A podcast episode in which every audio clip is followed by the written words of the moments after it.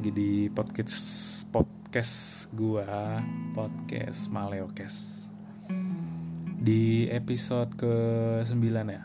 Ya episode ke-9 Kali ini gua mau bahas tentang evolusi. Uh, Ngomongin tentang evolusi uh, Ini mungkin gue dapet ya pelajarannya ketika sebenarnya sih pas SMP atau SMA mungkin ya. Cuma kalau menurut gue di eh, SMP atau SMA itu benar-benar uh, apa ya benar-benar statis saja sih kayak dari pelajaran biologi. Nyebutin Darwin lamar kelar gitu. Tapi pas gue kuliah uh, di biologi itu udah ada makul tersendiri yaitu makul evolusi gitu yang yang menurut gue cukup membuka wawasan gue terkait dengan evolusi. Cuma yang jadi masalah di evolusi pas gue kuliah itu adalah selalu dibenturkan dengan pertanyaan yang berdasarkan oleh kepercayaan. Ya lo tahu sendiri lah terkait dengan Darwin itu banyak banget orang yang nggak uh, setuju berlandaskan tentang kepercayaan gitu ya. Kayak uh, kalau dulu gue itu dibilangin emang lu mau jadi keturunan monyet gitu kan? Emangnya lu uh, mau dibilang monyet gitu?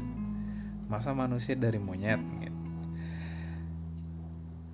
jadi kita bahasnya muter-muter di situ aja tanpa uh, mendalami tentang sebenarnya apa sih evolusi itu gitu. Ya uh, seiring dengan berjalannya waktu gue makin penasaran ya dengan uh, evolusi itu sebenarnya apa gitu.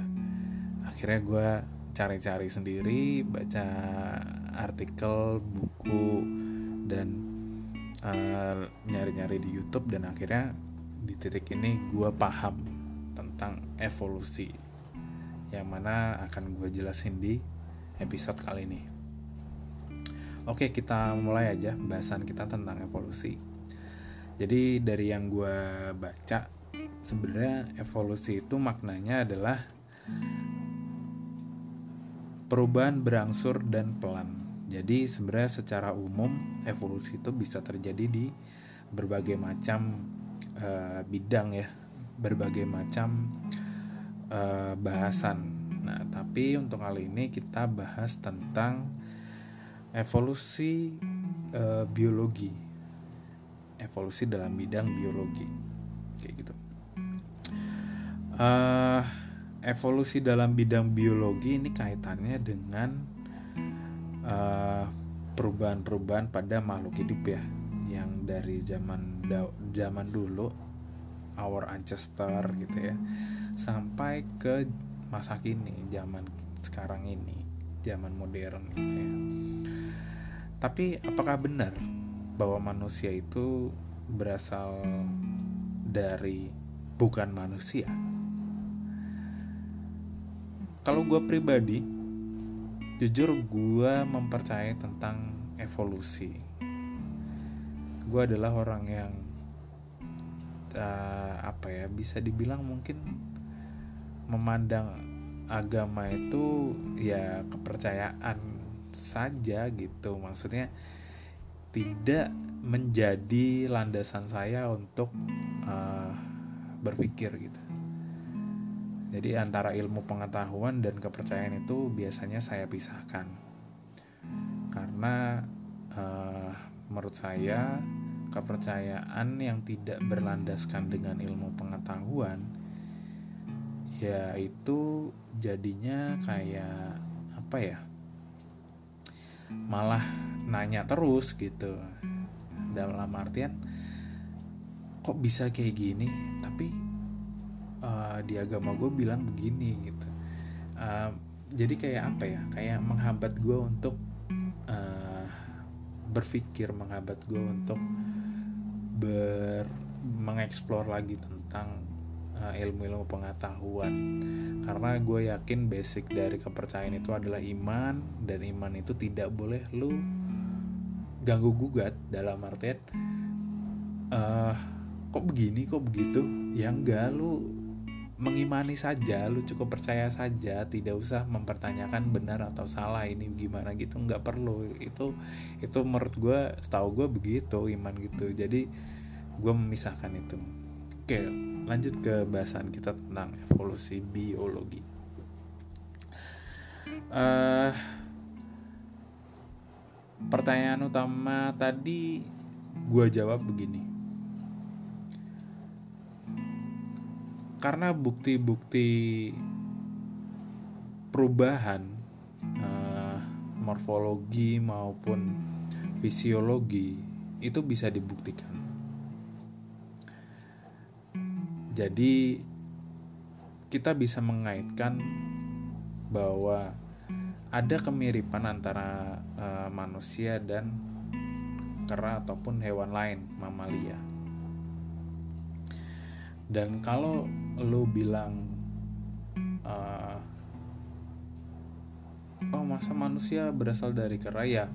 Ya emang kenapa gitu ya? Ya sudah itu tidak akan bikin lu jadi bertingkah seperti kera kan? Tidak akan membuat lu jadi pas ngaca ih, ih kok muka gue kayak monyet.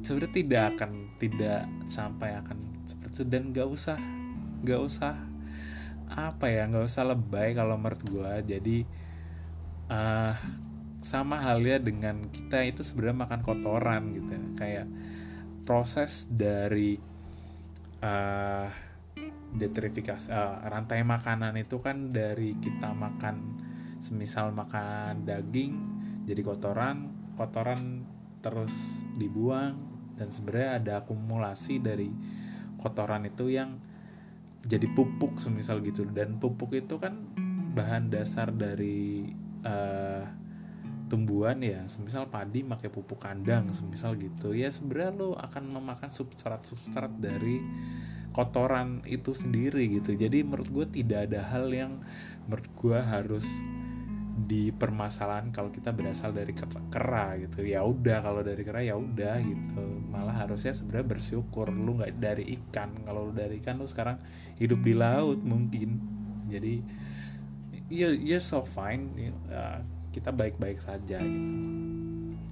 Kenapa bisa dari kera? Uh, sebenarnya tidak melulu tentang dari kera ya. Tapi lebih ancestor. Ancestor itu kan nenek moyang gitu ya. Kalau dari sejarahnya yang paling dekat kekerabatannya itu dengan kera gitu dari ciri-cirinya. Uh, ini setahu gua jadi sekitar 500 ribu ya kalau nggak salah. 500 ribu tahun yang lalu split uh, apa ya kok split? Manusia modern mulai uh, ada di bumi gitu. Dan kalau ditarik garis dan segala macam kita adalah uh, campuran dari makhluk yang bisa kita sebut sebagai manusia purba gitu. Homo uh, homo apa ya? Gue agak lupa ya. Jadi uh, percampuran dari berba dari dua atau tiga jenis uh, manusia purba setahu gue nanti mungkin dibahas sendiri ya uh, terkait dengan evolusi pada manusia karena gue sebenarnya lupa-lupa ingat gue udah baca bukunya uh, Yuval Noah yang Sapiens itu ada ada informasinya di situ. Nah jadi manusia itu dari dari uh, secara genetik keturunan itu dari manusia purba itu ya.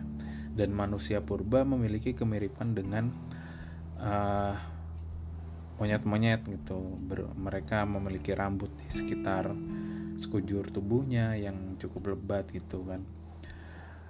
Uh, dan awalnya katanya itu kita arboreal terus turun ke uh, tanah atau ke daratan tidak arboreal itu di pepohonan ya. Kita turun ke tanah menjadi makhluk terestrial dan segala macam segala macam. Nah jadi uh, ya tadi gue bilang manusia dari kera ya bisa jadi mungkin juga. Tapi yang jelas kita dari manusia purba gitu uh, genusnya homo. Balik lagi ke evolusi kenapa evolusi ini bisa dipercaya sebagai teori yang menjadi dasar dari uh, perkembangan makhluk hidup? Karena sebenarnya uh, tidak ada hal yang instan kalau menurut gue proses dari kehidupan itu selalu berkaitan dengan seleksi alam berkaitan dengan waktu berkaitan dengan faktor-faktor genetis dan segala macam. Kok bisa dari semisal uh, kan ada beberapa macam teori ya mengenai tentang awal mula asal muasal makhluk hidup. Kok bisa dari makhluk hidup yang semisal satu sel gitu ya uh, bakteri prokariotik eukariot uh, prokariotik kok bisa jadi kayak manusia yang kompleks dan segala macam? Ya lu bisa bayangin aja sih waktu untuk uh, dari makhluk hidup pertama sampai sekarang itu adalah tiga uh, miliar ya? Aduh gue agak lupa itu. Pokoknya membutuhkan waktu yang sangat-sangat lama gitu ya dan itu lama banget sumpah. Uh, 3 miliar tahun itu udah eh, bayangin aja manusia baru 500 ribu tuh berapa persen ya tidak ada 10 persen kan. Sangat-sangat lama. Dan dari waktu sebanyak itu banyak hal yang bisa terjadi kan. Jadi uh, pada dasarnya evolusi itu ya bener-bener proses yang uh, ada dan berjalan perlahan gitu. Ke depannya kayak gimana ya sebenarnya gue nggak tahu dan gue sempat baca buku-buku yang tentang evolusi di masa depan di mana uh, kayak badak badaknya jadi ada apa? Jadi ada kayak tamengnya gitu karena dia uh, memusatkan perkembangannya itu pada kulitnya yang keras dan segala macam. Ada itu kayak gitu. Cuma itu itu hanya perkiraan. Jadi proses evolusi ini berjalan sangat lama dan benar-benar perlahan gitu ya. Uh, dari sel uh, single cellular satu sel kemudian banyak sel itu melibatkan uh, proses yang sebenarnya ini uh, gue juga agak bingung ya jelasinnya karena kalau lo adalah seorang biologiawan maksudnya uh, belajar kuliah biologi mungkin lu akan paham. Tapi ini gue akan coba untuk menjelaskan secara ringkas saja ya. Jadi dalam evolusi itu yang paling uh, dominan itu adalah mutasi gen gitu. Di mana mutasi gen itu sebenarnya adalah kelainan di mana gen-gen yang ada dalam tubuh makhluk hidup itu mengalami perubahan. Komponennya mengalami perubahan dan itu nanti uh, ujungnya adalah pada perubahan fisik ataupun fisiologi. Kalau lu lu tahu beberapa penyakit sindrom gitu ya sindrom Down gigantisme gigantisme di mana mereka menjadi berukuran besar pertumbuhannya tinggi tak tak terkendali dan segala macam. Itu contoh ekstrim yang uh, sebenarnya menjadi penyakitnya. Tapi ada contoh-contoh uh, kecil contoh-contoh yang sebenarnya lebih safety lagi terkait dengan mutasi gen. Semisal pada beberapa uh, orang uh, gue pernah dengar cerita bahwa orang-orang di Eskimo orang-orang di kutub utara yang hidup di Arktik mereka memiliki uh, he, jumlah hemoglobin yang lebih tinggi yang berfungsi untuk mengikat oksigen lebih banyak. Karena apa? Karena mereka di sana kan di tempat yang dingin ya. Otomatis dia harus mendistribusikan kalor atau panas itu secara rapid secara cepat gitu. Jadi sehingga uh, apa tubuh mereka beradaptasi untuk hal-hal semacam itu gitu. Nah, kok bisa seperti itu? Apakah dia dari awal sudah hemoglobinnya banyak dan segala macam? Sebenarnya tidak, karena pada dasarnya Homo sapien makhluk uh, manusia modern itu berasal dari satu nenek moyang gitu kan. Tapi kenapa kok fisiologisnya bisa berbeda? Ada orang yang tinggi rata-rata di negara Eropa 180 tapi di Asia itu semisal 170 dan segala macam.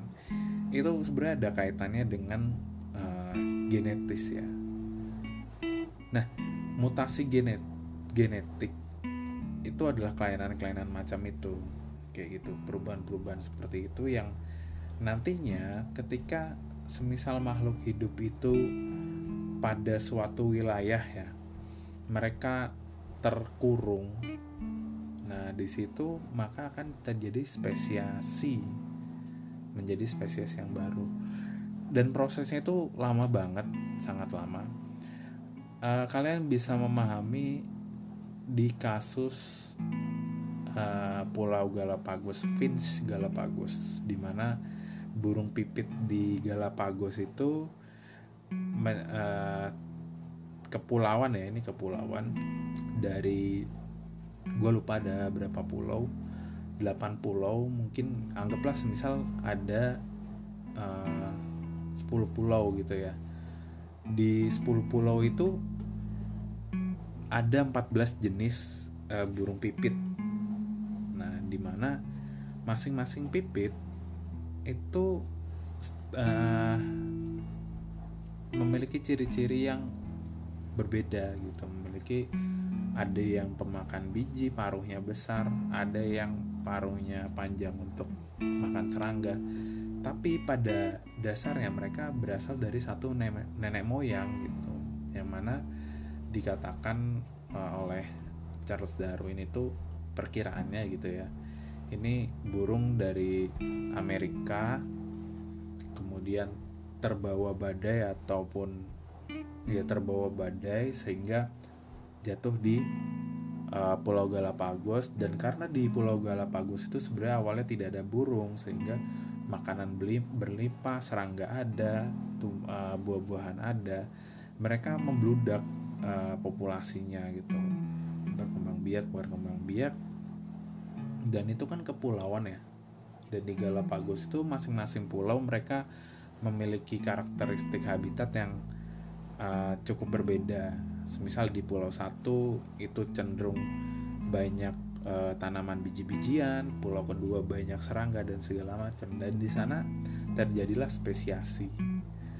Tapi sebenarnya bukan bukan kal bukan apa ya tidak semudah itu bukan berarti ketika dipisahkan terus diisolasi jadi spesies yang baru sebenarnya tidak seperti itu jadi di ketika mereka sudah tersebar di berbagai pulau itu, mereka uh, akan membentuk populasi ya, kumpulan individu, kumpulan spesies di mana di situ akan terjadi pencampuran berbagai macam genetik.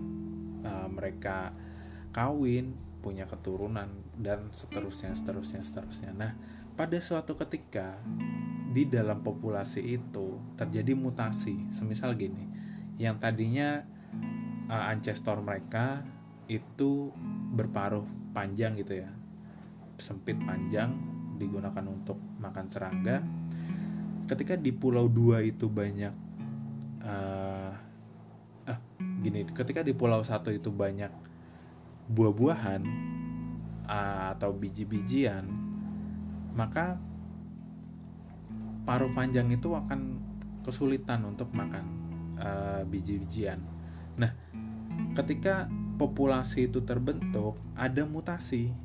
Nah mutasi itu sebagaimana yang gue bilang terjadi perubahan fisik terhadap uh, burung tersebut.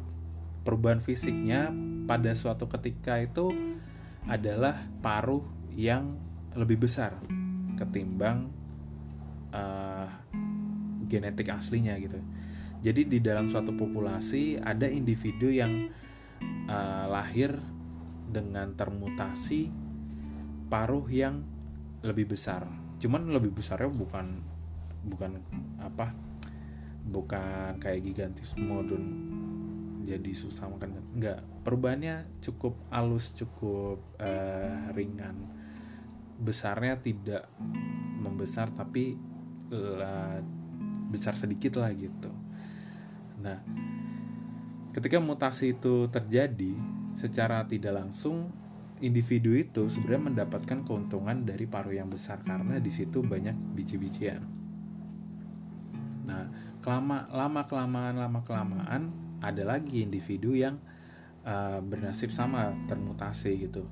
Nah, kemudian kelompok individu yang sudah bermutasi ini itu kan lebih nyaman, lebih enak makannya karena paruhnya besar untuk makan biji-bijian cocok.